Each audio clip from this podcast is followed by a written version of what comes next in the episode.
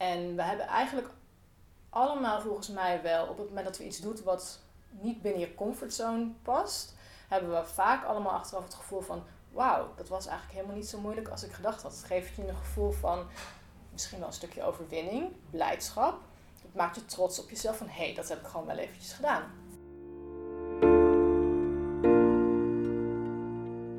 Dit is de Braveheart Club. De podcast van happiness en schrijver en angstonderzoeker Rowanne van Voorst, waarin we in gesprek gaan met moedige mensen. Vrije denkers, mensen die tegen de stroom in durven te gaan en die daarvoor kleine en grote angsten overwonnen. Mensen die soms bang waren, maar besloten dat iets anders belangrijker was. Antoinette Spaan is vervent reizigster, wandelaar, avonturier en eigenaar en oprichter van We Want to Travel, het grootste persoonlijke blog binnen Nederland dat zich focust op outdoor, hiking en reizen in de natuur. Daarnaast host ze sinds vorig jaar de podcast voor avontuurlijke vrouwen. Die werd gelanceerd met als doel meer vrouwen te motiveren om op avontuur te gaan. Of dit nu een klein, een micro-avontuur is of een groot avontuur. Vandaag ging ze zelf op zo'n micro-avontuur all the way vanuit het oosten van het land, rechtstreeks naar mijn appartement in Amsterdam. Antoinette, ik heb met zoveel mensen al gesproken over het thema moed en angst en zo. En ik heb nog nooit met iemand gesproken die gewoon het woord moed op de binnenkant van haar arm heeft laten tatoeëren. nee, het is ook uh, misschien. En dan ook nog in het Nepalees. In het Nepalees, ja. ja. Um, nee, kan ik me voorstellen. Het is niet. Um, iets wat mensen snel doen, überhaupt. Uh, maar het is eigenlijk ontstaan op het moment dat ik moest afhaken bij een trektocht vorig jaar. En ik, heb, ik zat bij een berg uh, aan het einde van de Langtang Valley. En ik was met mezelf in conflict. Ga ik afbreken of ga ik niet afbreken? Ik weet niet of je het herkent uit je eigen leven, maar dat, ik, ik had een blessure en ik kon eigenlijk niet verder. Ik had heel veel pijn, het liep allemaal niet. En ik was enorm dat interne conflict. Ja, maar je kan toch wel doorlopen met pijn? Ja, dan moet je maar een paar paracetamol nemen. Nee, dat is helemaal niet verstandig. Je moet terug. En op dat moment heb ik ook een stukje voor mijn eigen podcast ingesproken. En toen kwam ik terug in Kathmandu. Ik heb besloten om niet verder te gaan. Ik dacht, dit was eigenlijk heel moedig wat ik hier heb gedaan. In plaats van doorlopen en misschien mijn blessure nog erger maken of mezelf in gevaarlijke situaties gaan begeven omdat ik niet normaal kan lopen. Um, ik ben gewoon gestopt en ik heb gekozen voor veiligheid. En dat vond ik eigenlijk achteraf gezien een heel moedig besluit. Ik vind het ook een heel moedig besluit, ja. Dank je. En ik had eigenlijk, ik, in eerste instantie ja, schaamde ik me, wilde ik niet zeggen, maar het is niet cool. Maar dat gevoel van, oh wacht even, ik heb een moedige beslissing genomen, dat begon steeds meer de overhand te nemen. Uh, en um, ik heb uh, drie tatoeages in totaal. Uh, eentje op de binnen, ja, eigenlijk boven mijn pols, dat is varen. Dat is het logo van Nieuw-Zeeland. Dat is mijn land waar ik echt enorm gek op ben en heel graag kom. Mijn voet het woord wanderlust. Die heb ik in Alaska door een uh, native laten zetten. Wanderlust staat centraal in mijn leven vanwege mijn avontuurlijke ziel eigenlijk. En dit voelde gewoon als moed. Dit staat symbool voor deze reis. Nepal is mijn derde favoriete plek in de wereld. Dit, dit moet hier opkomen. Is, het, is het dan zo dat jij eigenlijk pas later in je leven, dus toen was je al heel veel aan het reizen, dat soort moed bij jezelf hebt ontdekt? Terwijl dat avontuurlijke er al wat nu, natuurlijker in zat? Zo van, ik ga wel gewoon op reis. Ik ga wel gewoon aan die bergtocht beginnen. Ja, het is... Um, ik, um, ik, sowieso, ik ben totaal niet avontuurlijk opgegroeid. Ik ben, uh, kom uit een gezin, we gingen wel naar de bergen, maar niet echt bergwandelen. Ik was vroeger echt zo'n meisje die achter de moeder wegdook als er vreemde mensen aankwamen. Um, dus het is echt iets ontstaan is wat toen ik begin twintig was, dat ik graag uh, de bergen in wilde en wandeltochten wilde maken. En um, in het begin zeg je overal ja tegen, laat je je beïnvloeden. En ik denk hoe ouder je wordt, ik doe dat nu zo'n 20 jaar, hoe wijzer je wordt en hoe beter je kunt inschatten van hé, hey, is dit verantwoord wat ik ga doen? Is dit veilig? Of is dit gewoon dom om hier uh, mee door te gaan? En hoe ouder ik word, hoe vaker ik op dat stemmetje durf te vertrouwen en ook een moedige beslissing durf te maken. Dus de beslissing wat eigenlijk de juiste beslissing is, maar misschien niet de meest stoere beslissing is in eerste instantie. Ja. Is het, weet jij nog, kan jij je nog herinneren dat gevoel of het moment dat je wat jonger was en dat je voor het eerst iets ging doen waarvan je dacht, dit is stoer, dit is moedig? Ja, ik heb gepuntje jumped in Nieuw-Zeeland toen ik 20 of 21 was. En ik had dat geroepen toen ik nog in Nederland was. Van, toen was het geloof ik een keer op televisie. En ik zei van ik ga naar Nieuw-Zeeland, ik ga dat ook doen. En ik heb echt drie dagen lang met buikpijn gezeten. Maar ik had dat geroepen, dus ik vond dat ik dat moest doen. En toen was ik daarvan afgesprongen. Toen dacht ik echt, wauw. Maar ik heb ook meteen gezegd, nou, ik doe het niet meer. En waarom dacht je wauw? Omdat ik, de, ja, de adrenaline, denk ik. Dat was, dat was misschien de eerste keer dat ik echt een enorme adrenaline kick heb gehad. Die nog een week duurde of zo ongeveer. Dat was echt heel bijzonder. Was je, was je trots op je? Deed het iets voor je? Ja, op dat moment voelde ik me heel stoer. Ehm, het is echt heel grappig. Ik, ehm, er, stond, er stond een groep Japanners stond toe te kijken, want het is een openbare bungee site. En achteraf, ehm, ik heb schijnbaar heel hard gegild. En er kwam eh, een Japanse vrouw naar mij toe en die zei: We hebben foto's van je gemaakt, mag ik met jou op de foto? En toen dacht ik echt: Oh wauw, dit is echt zo bijzonder. En toen is er wel een Zij vond jou ook stoer. ja, en, en toen dacht ik van, oh, maar ik ben ook stoer. En ik heb de video teruggekeken en de foto's. En toen dacht ik, ja, dit is gewoon heel stoer. Ehm, en toen is bij mij wel een zaadje geplant voor dat soort dingen. Ik ben ook gaan skydiven en er zijn heel weinig dingen die ik niet heb gedaan. Maar ik merk de laatste jaren dat voor mij hoeft het niet meer zo extreem. Ik hoef niet meer te bungee jumpen, skydiven. Ik zoek mijn avontuurlijke dingen zoek ik meer in andere, op andere manieren dan van een brug afspringen of over een koord lopen of dat soort dingen. Maar je doet nog wel bijvoorbeeld eh, bergwandeltochten. Ja, Je doet nog wel eh, bijna dagelijkse wandelingen in het bos rondom het huis waar jij woont. Ja, Vertelde ja. je me eerder. Dus er blijft wel een soort hang naar buiten zijn. En dan Ja. op plekken waar niet heel veel mensen om je heen zijn. Nee, klopt. Nee, het is ehm, de, sowieso de natuur doet echt iets voor mij. Ik vind het heel fijn om naar buiten te gaan. En ehm, ik ben altijd op zoek naar het onbekende. Ehm, waar ik woon in het bos, ik word aan vier plekken, of vier kanten omgeven door bos. Echt, het is letterlijk midden in het bos. En ehm, ik kan dus eh, oost, noord, zuidwest gaan. En er zijn nog steeds paadjes die ik niet gehad heb. Omdat er zoveel, als ik een kilometer zuid loop, dan eh, kan ik onderweg tien verschillende paadjes naar links nemen en tien verschillende paadjes naar rechts. En ik vind het onwijs kicken als ik toch weer een paadje ontdek waarvan ik denk, hé, hey, deze kende ik nog niet. Dus heb ik afgelopen zomer ben ik net iets verder gegaan dan dat ik normaal gesproken doe. Ik loop veel in mijn lunchpauze als ik vanuit huis werk en dan zit ik op ongeveer een uurtje. Toen dacht ik, nou, ik ga toch eens even net wat verder. En toen kwam ik op een heel schattig klein heideveldje uit waar de heide net in bloei stond. En ik dacht echt, wauw, dit is gewoon één kilometer of twee kilometer lopen van mijn huis vandaan. Ik ben hier nog nooit geweest. Hoe mooi is dit? En daar werd ik helemaal intens blij van. Toen dacht ik, hé, hey, dat kan dus ook gewoon. Ik heb helemaal niet die kick nodig, die adrenaline kick van een brug springen. Dit is veel fijner. Gewoon lekker dicht bij huis en iets heel kleins. Eh, daar kon ik heel blij van worden. Of daar werd ik op dat moment heel blij van. Maar totdat je hier gekomen bent, zeg maar, heb je best wel wat afgereisd. Kan je eens Mhm. een, even een opzomming doen van de mooie hoogtepunten? Ehm, even denken hoor. Ik, ehm, ja, eigenlijk al mijn reizen die ik ooit gemaakt heb, of het grootste deel daarvan, die hadden met een trektocht te maken die ik wilde doen. Dus eigenlijk was het zo dat ik ging zoeken op, op internet. Nou, het begon in 2004 ongeveer. eh, met de Inca Trail die ik toen heb gedaan. Toen dacht ik, ik wil de Inca Trail gaan lopen. En dan heb ik daar een reis omheen gepland. Dus eigenlijk En maar even, hoe komt zo'n gedachte tot stand? Ik heb ze ook wel eens, maar heel veel mensen hebben ze misschien niet. Nee, um, goede vraag. Ik zit heel even te denken hoor. Ehm, ik, in 2001 was ik in Nieuw-Zeeland en ik merkte daar dat heel veel mooie plekken zijn alleen te voet bereikbaar. En ik heb een enorme liefde voor de natuur. Ik heb een liefde voor, voor gletsjers, voor bossen en bergen. Eigenlijk ben ik een beetje van koude bestemmingen. En ik kwam daar, ehm, ik kwam daar en daar maakte ik voor het eerst kennis met het fenomeen meerdaagse trektochten. Daar is dat echt een ding. En ik dacht, wauw, ik heb hier nu een maand met een auto rondgereisd, zoals de gemiddelde backpacker doet. Maar er is nog zoveel meer te zien. En toen ben ik eigenlijk gaan bedenken van, maar hoeveel is er dan nog te zien wat wij helemaal niet kennen, omdat we niet de moeite nemen om te gaan wandelen. En ehm, toen heb ik ooit eens een keer op een tv-programma of iets eh, eh, de Inca Trail voorbij zien komen. En ik had al wel eens van Peru gehoord en Machu Picchu, maar niet dat er ook een Inca Trail was. Toen hoorde ik dat. Ik dacht, ja, dat wil ik. Want hoe vet is het als je gewoon ergens te voet naartoe kunt gaan met je rugzak. En ehm, ehm, dus zo is dat zaadje een beetje bij mij geplant. Dat is begonnen en toen had je, dus, dus als we dan kijken naar een opsomming van een beetje de, de hoogtepunten, waar ben jij allemaal geweest sinds, sinds, dat, sinds die gedachte? Ehm, ik ben, even denken, ook binnen Europa wandel ik veel in Scandinavië, Zweden en IJsland ben ik geweest, Schotland, uh, de Alpen.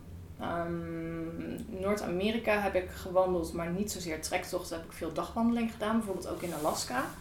Um, Daar ben je meerdere malen geweest? Ja, ik heb voor een reisorganisatie gewerkt die reizen naar Alaska verkocht. Waarbij ik dan één keer in de twee, drie jaar zelf op ja, inspectiereis mocht eigenlijk. Studiereis heette dat. En dan probeerde ik daar soms een beetje een paar dagen aan te plakken. En dan ging ik gewoon met mijn rugzakje uh, een wandeltocht maken daar. Um, maar ook Zuid-Amerika, Chili, Argentinië ben ik een aantal keer geweest. Uh, Australië, Nieuw-Zeeland, Nepal een aantal keer.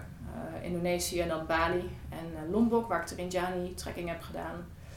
Um, Noorwegen, ja, ik denk dat dat het belangrijkste wel waren zo'n beetje. Ja. En jij vindt het dan helemaal niet erg om in je eentje met je rugzakje te gaan? Nee, nou ja, um, ik, in het begin vond ik dat spannend. Ik heb ook heel veel tochten heb ik niet alleen gedaan, maar um, ik dacht op een gegeven moment, ja, als mijn toenmalige partner niet mee kan, en ik ga niet in mijn eentje, dan ga ik dus niet. En niet gaan is dan geen optie. Dus dan is de enige optie die op dat moment voor mij overbleef, omdat ik toen ook niet heel veel vriendinnen had die uh, van wandelen uh, hielden. Het is nu wel wat anders, maar een aantal jaar geleden niet. Dan was de optie niet gaan of in je eentje gaan. En dacht ik, ja, dan ga ik maar in mijn eentje. Zo is het eigenlijk ontstaan. En het klinkt nou heel laconiek, maar heb je dan, hè, want je zei ook even tussen neus en lippen door van, ja, soms vind ik het best wel een beetje eng. En je hebt het woord moed omdat je ergens durfde af te haken. Mhm. Op je pols staan of op de binnenkant van je arm staan. Dus wat zijn. Kan je je een moment herinneren dat je het echt best wel eng vond? Ja, ja. Ik. Um, sowieso, uh, ik heb 16 jaar een relatie gehad. En heel veel samen met, uh, met die, die, man gereisd. We zijn ook samen een beetje opgegroeid en uh, gaan experimenteren met het wandelen. En toen ik voor het eerst toen het net uit was, toen ging ik op mezelf wonen en um, uh, toen ging ik plannen. Toen dacht ik, oké, maar alles wat ik nu plan, dat moet ik dus in mijn eentje durven, want ik ga het in mijn eentje doen. Dus uh, ik ging op een hele andere manier naar, naar, naar, naar trektochten kijken. En ik weet nog wel dat ik in uh, mijn eerste grote reis was toen naar Amerika, naar de Pacific Northwest. in Oregon was ik toen. En dat was in Crater Lake National Park. Ik weet niet of je het ooit van gehoord hebt, maar het is een soort van explosiekrater meer met een eilandje erin. Super mooi. En ik uh, liep daar een berg op en toen begon het te onweren. En toen dacht ik, oké, wat heb ik allemaal geleerd? Want je weet eigenlijk wel van wat moet ik doen in het geval dat, dat er zoiets uh, staat te gebeuren of dat het onweer eraan komt. Je weet in je hoofd van oké, dit, dit en dit moet ik niet doen en dit en dit moet ik wel doen. Maar toen was het zo van oké, breng het in de praktijk. Ja, je moet niet je wandelstok in de lucht steken. Nee, bijvoorbeeld niet en je moet eigenlijk afdalen. En um, een sterker is misschien nog wel, dat was toen ik in mijn eentje in Alaska ging wandelen. Want daar wandel je natuurlijk echt tussen de grizzlyberen ook. Um, en je weet, ik ben zo bang geweest als ik geritsel in de bosjes hoorde. Dat ik echt dacht, oh, het zou een beer zijn. En dan bleek het gewoon een squirrel of een eekhoorn te zijn. Dus er zijn echt momenten geweest dat ik dacht van, waarom doe ik dit? En ja, is dit echt maar ja, de, het gevoel achteraf overwint eigenlijk altijd. Ja, want als we die vraag stellen, waarom doe je dat? Wat is dat gevoel dan? Um, een onoverwinnelijk gevoel. Een gevoel van trots, van ik heb het toch gewoon gedaan. Um, en het maakt mijn leven leuker. Ik denk dat het mij een leuker mens maakt als ik gewoon af en toe uit mijn comfortzone ga, om het zo maar te, te noemen. En ik denk ook dat um,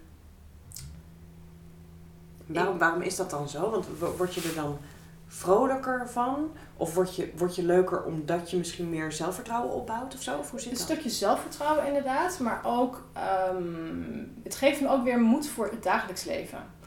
Um, een paar jaar geleden was ik best wel angstig om bepaalde beslissingen te maken. Wat mijn, mijn relatie betreft, wat mijn woonsituatie betreft, wat mijn werk betreft. En ik heb geleerd in de, in de outdoors om daar beslissingen te maken.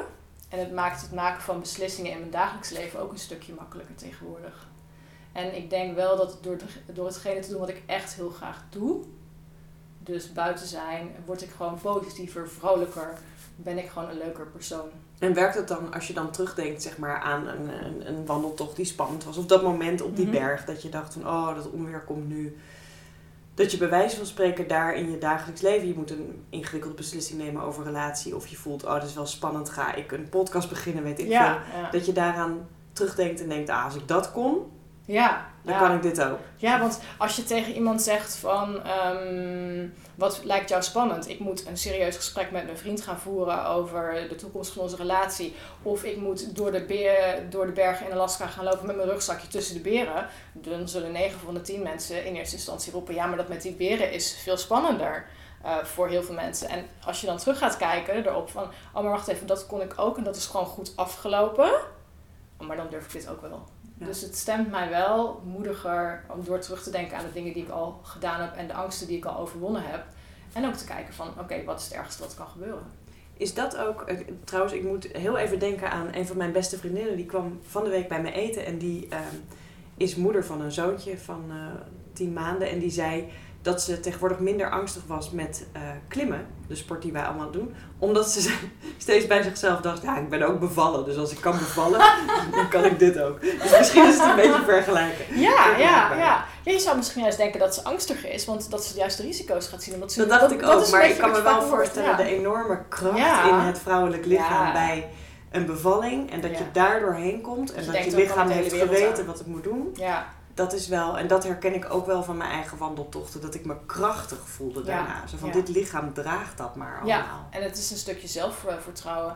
Ehm, er is in mijn leven een periode geweest waarin ik na 16 jaar mijn relatie beëindigd heb. Twee maanden later overleed mijn vader die mij heeft opgevoed. En nog weer een maand later ehm, moest ik mijn huis, wat ik net had gekregen na die scheiding, moest ik ook alweer uit. Ik stond letterlijk eh, onvrijwillig, werd ik een soort van dakloos.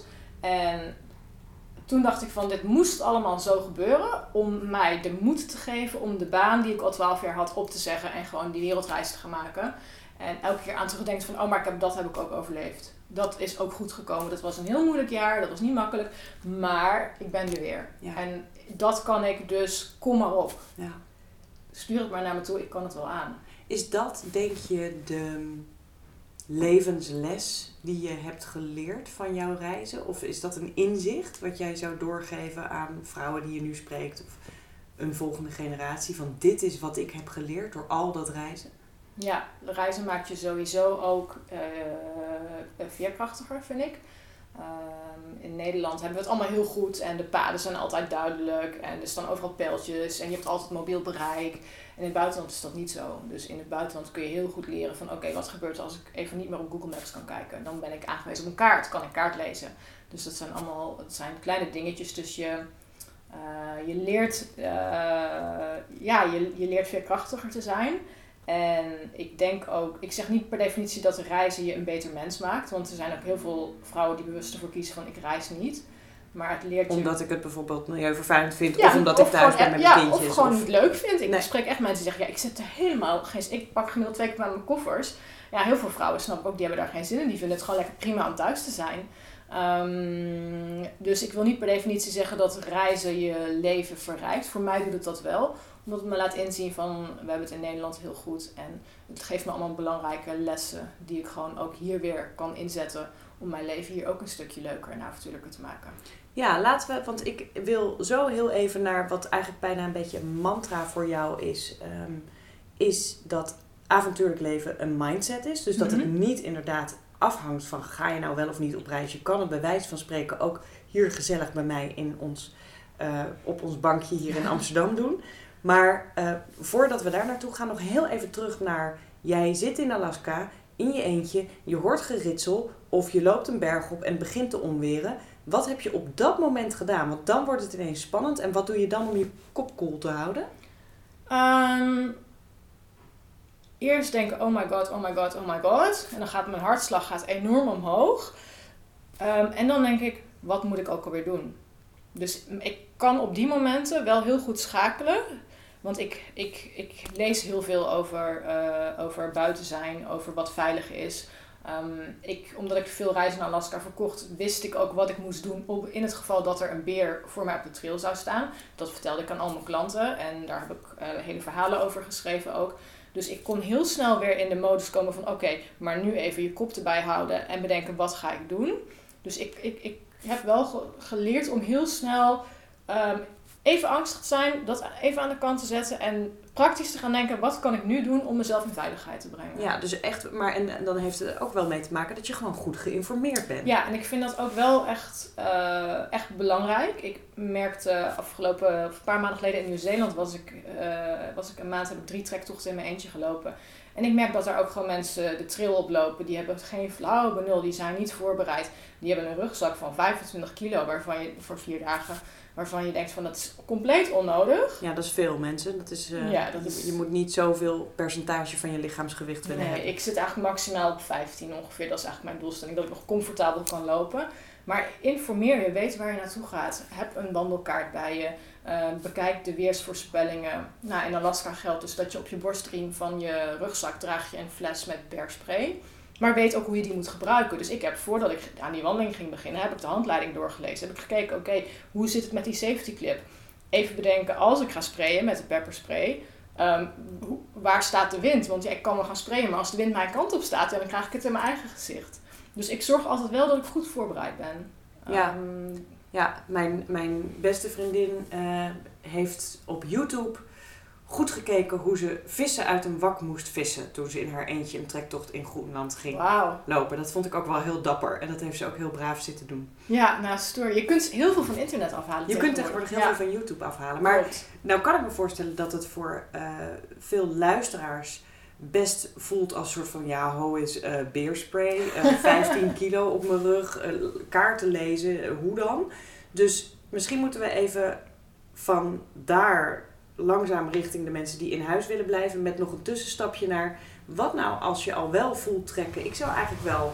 Ik vind het wel gaaf klinken, zo drie dagen met mezelf wandelen. Of ik wil ook wel eens een wandeltocht. Maar ik wil niet heel ingewikkeld. Nee. Wat, wat raad je dan aan om het te oefenen? Ja, nou, begin heel klein. Eh, Nederland heeft, als ik me niet vergis, een stuk of twintig lange afstandswandelingen, waarvan het Pieterpad de belangrijkste of de bekendste eigenlijk is. Ehm, als je, dan ga ik even naar dat je iets met wandelen wilt doen, maar je kunt ook, er zijn knooppunten voor fietsen bijvoorbeeld. Als je zegt ik wil gaan fietsen of gaan mountainbiken.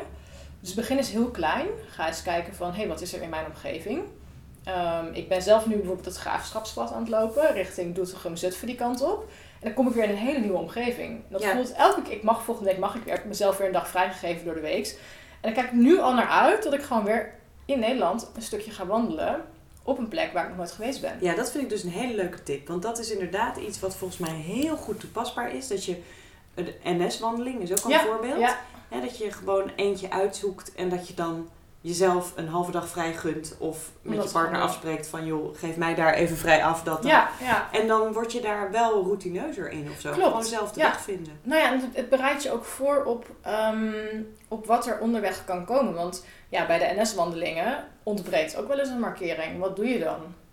En dan, dat, dat leert jou om iets weerbaarder ook al te worden. Of stel dat het halverwege gaat regenen en je wordt echt kletsnat.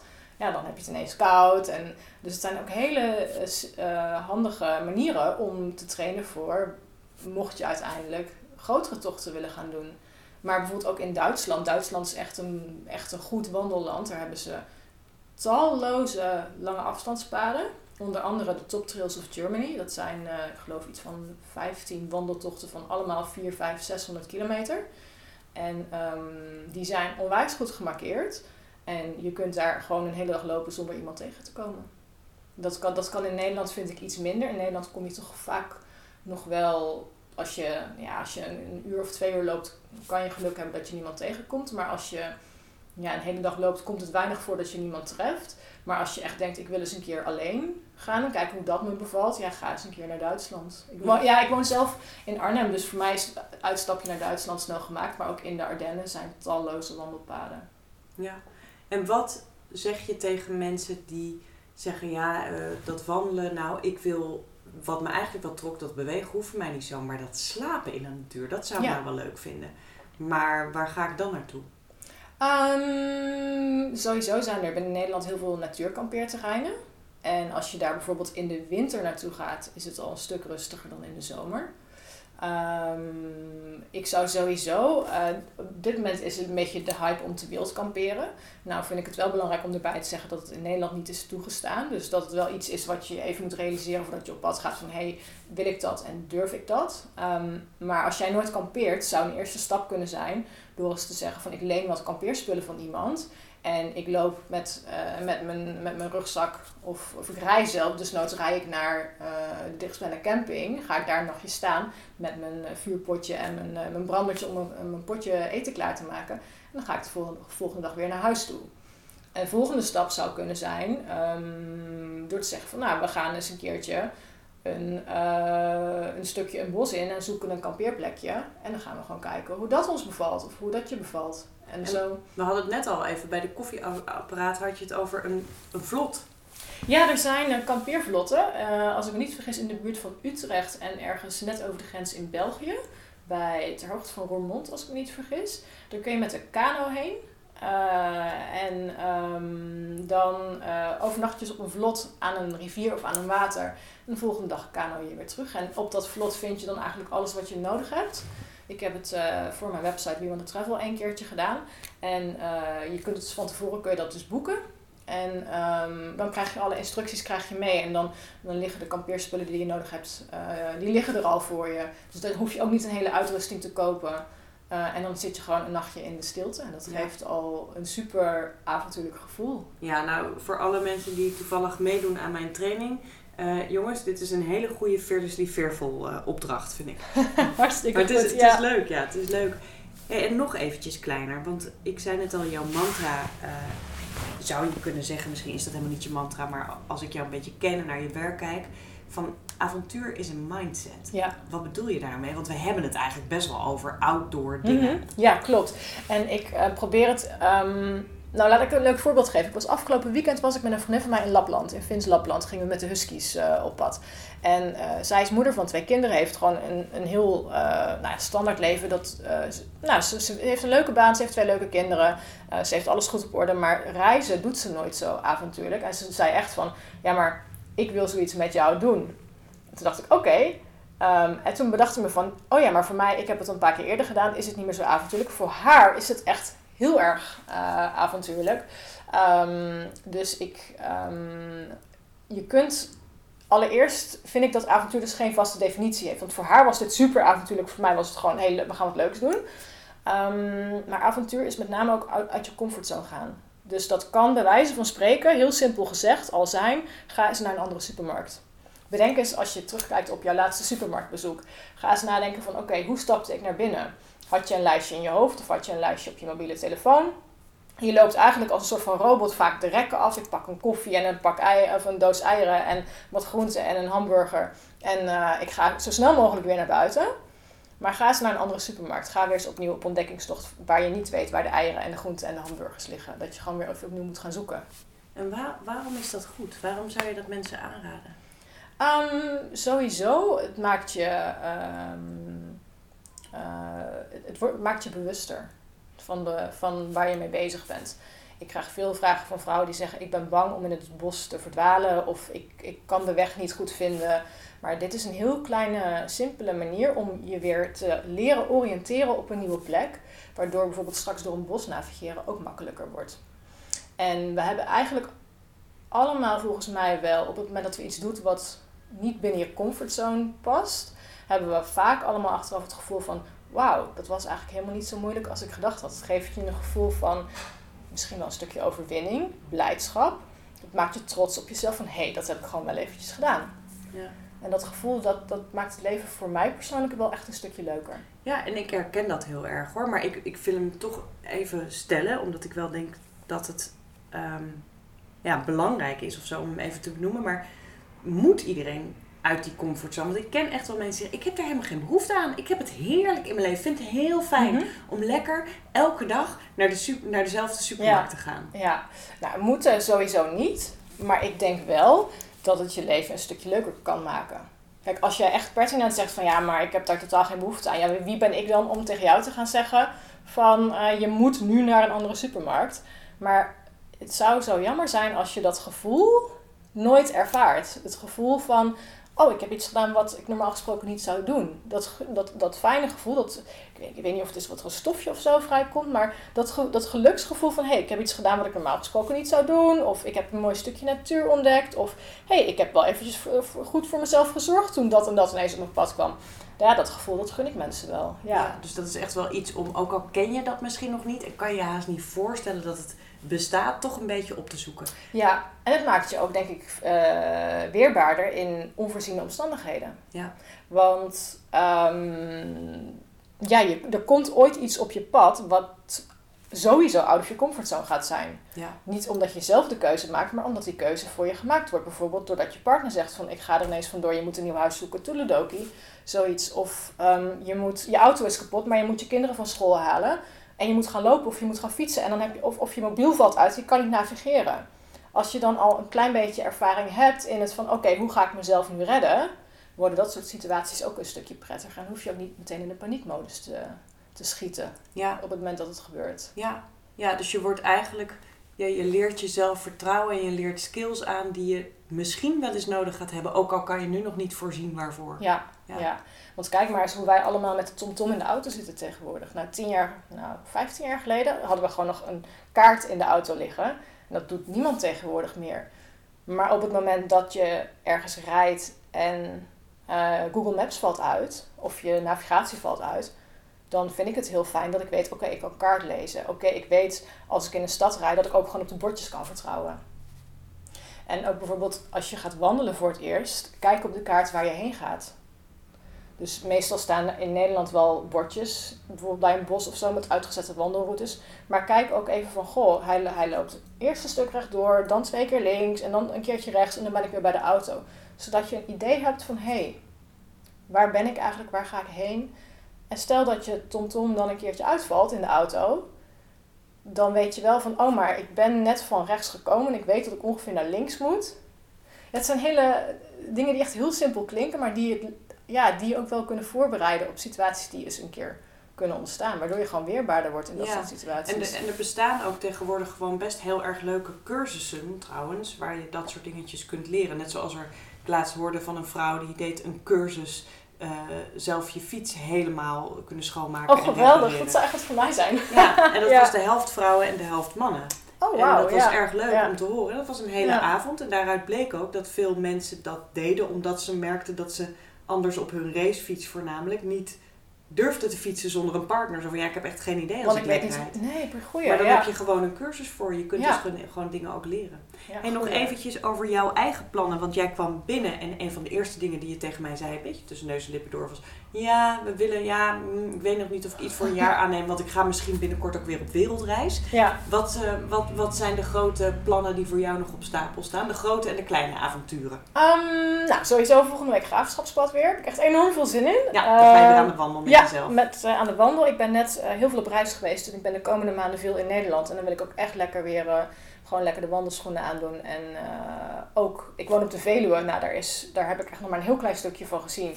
Ja, ik wil naar het noorden van de Veluwe, naar het oosten van de Veluwe. Ehm, dus ik wil echt in Nederland veel op pad gaan. En eh, mijn vriend en ik zitten nu een beetje in de fase van... Oké, we zijn nu twee jaar samen. We houden allebei enorm van reizen. Eh, maar hoe gaan we dat vormgeven?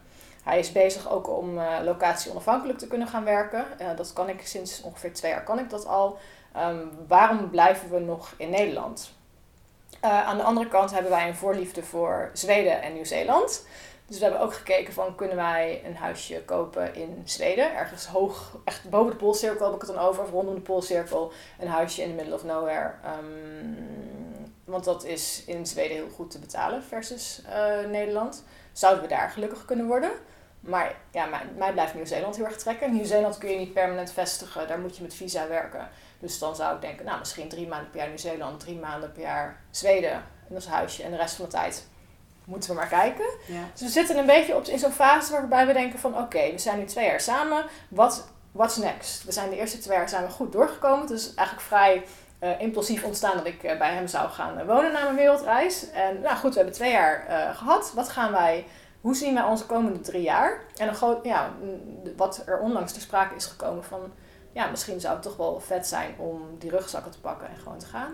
Ja, Ja. trekt wel. Hè? Blijf trekken. Ja, het heeft altijd, ik ben altijd al gefascineerd geweest daardoor. Ehm, en ik heb me daar heel lang door laten tegenhouden door mijn, eh, door mijn eerste grote liefde. En dat neem ik hem ook helemaal niet kwalijk, want uiteindelijk was ik er zelf bij en heb ik nooit de beslissing genomen van ik ga.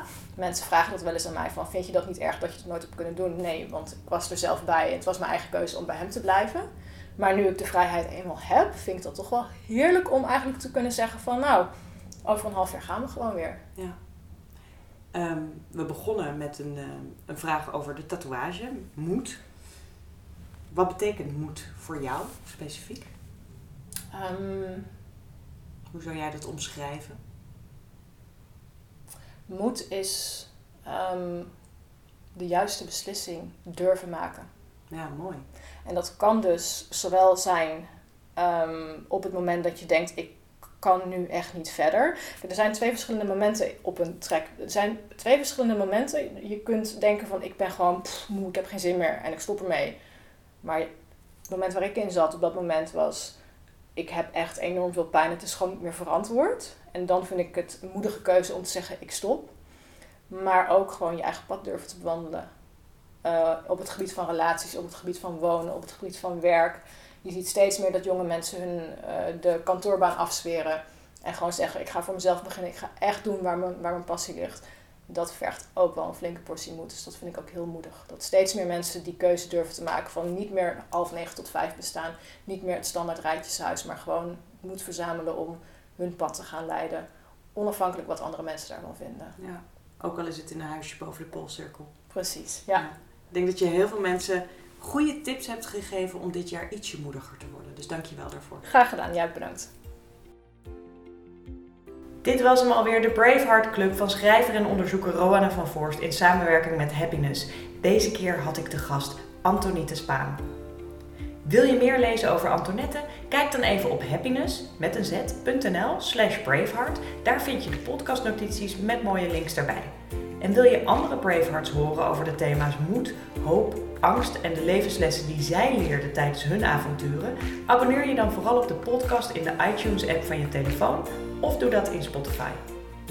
En ik zeg het wel eens vaker, maar ik ben dus heel blij als je wilt schrijven wat je vindt van deze podcast of als je wat sterren wilt schenken. Want hoe vaker dat gebeurt, hoe makkelijker deze gesprekken te vinden zijn voor andere luisteraars. Heel veel dank voor je steun en voor je aandacht tijdens het luisteren. Tot de volgende Braveheart Club!